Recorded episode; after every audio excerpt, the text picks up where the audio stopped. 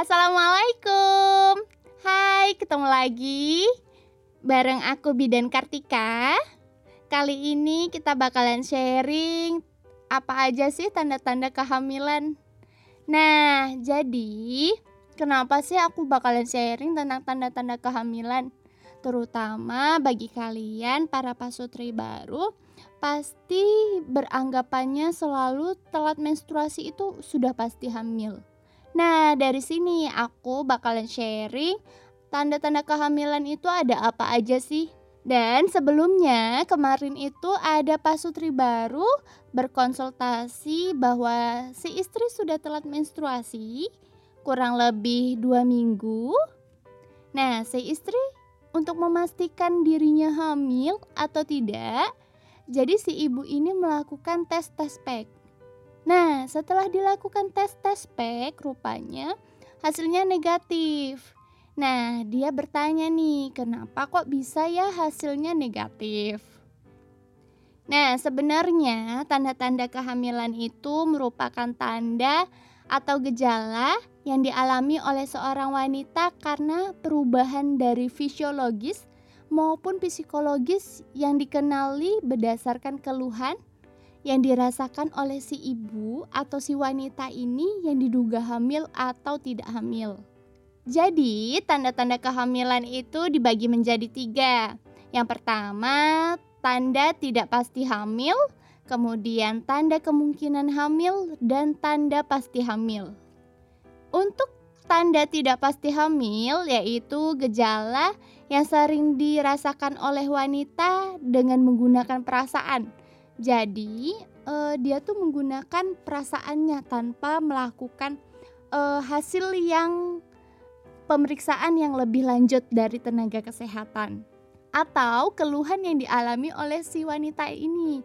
Contohnya, ibu yang mengalami amenorea atau telatnya menstruasi. Nah, sebenarnya telat menstruasi itu bisa saja nih disebabkan oleh akibatnya stres, anemia, atau gangguan hormonal. Nah, jika diakibatkan stres, itu jatuhnya yaitu kelainan pada menstruasi. Nah, jadi biasanya juga disebut dengan oligomenorea. Apa sih oligomenorea ini? Yaitu merupakan salah satu gangguan pada menstruasi pada wanita, yaitu siklus menstruasinya memanjang menjadi 35 sampai 90 hari. Nah, jadi ini biasanya disebabkan uh, stres, kemudian kelelahan, anemia atau gangguan hormon. Nah, atau biasanya si wanita juga mengalami keluhan mual, muntah, ngidam, kemudian konstipasi, nyeri pada bagian payudara, sering buang air kecil.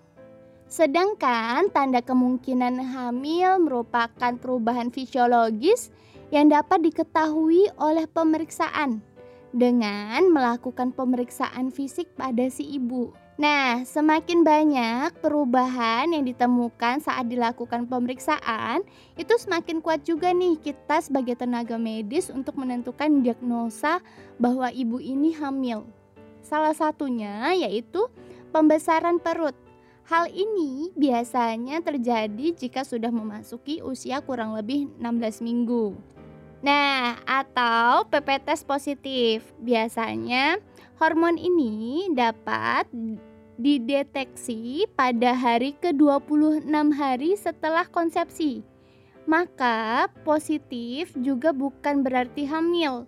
Kadang itu alatnya tuh bisa rancu, entah waktu penggunaannya tidak tepat Kemudian yaitu teraba balot teman, yaitu perabaan di bagian seperti janin saja tidak cukup karena bisa saja ini disebabkan oleh penyakit seperti miom uteri dan adanya kontraksi Braxton Hicks yaitu merupakan peregangan sel-sel otot rahim.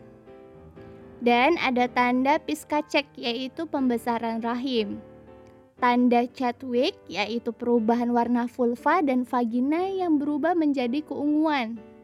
Kemudian ada tanda good deal yaitu pelunakan serviks.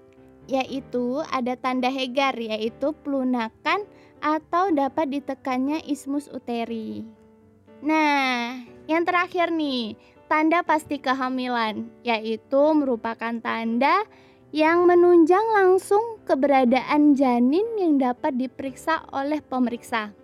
Nah, tanda ini biasanya ditandai dengan gerakan janin. Gerakan janin ini dapat diraba dengan jelas ketika eh, gerakan janin bisa dirasakan pada usia kehamilan eh, kurang lebih 20 minggu pada ibu.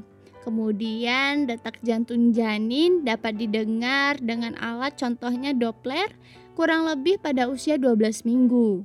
Kemudian bagian atau kerangka janin bisa dilihat dengan jelas atau dengan pasti dengan hasil USG. Nah, itu semua tanda-tanda kehamilan. Jadi tanda-tanda kehamilan itu ada tiga macam. Kalau kalian hanya baru mengalami tanda-tanda tidak pasti hamil, itu sebaiknya kalian tunggu terlebih dahulu nih jika memang saat tes tes packnya pertama negatif, tunggu dulu nih. Coba satu minggu lagi di tes pack. Kalau hasilnya positif, alhamdulillah. Kalau belum positif atau masih negatif, kalian tetap semangat ya. Berusaha, berdoa, semangat bagi kalian para pejuang garis dua. Semoga kalian akan disegera diberikan Terima kasih, selamat mendengarkan podcastku.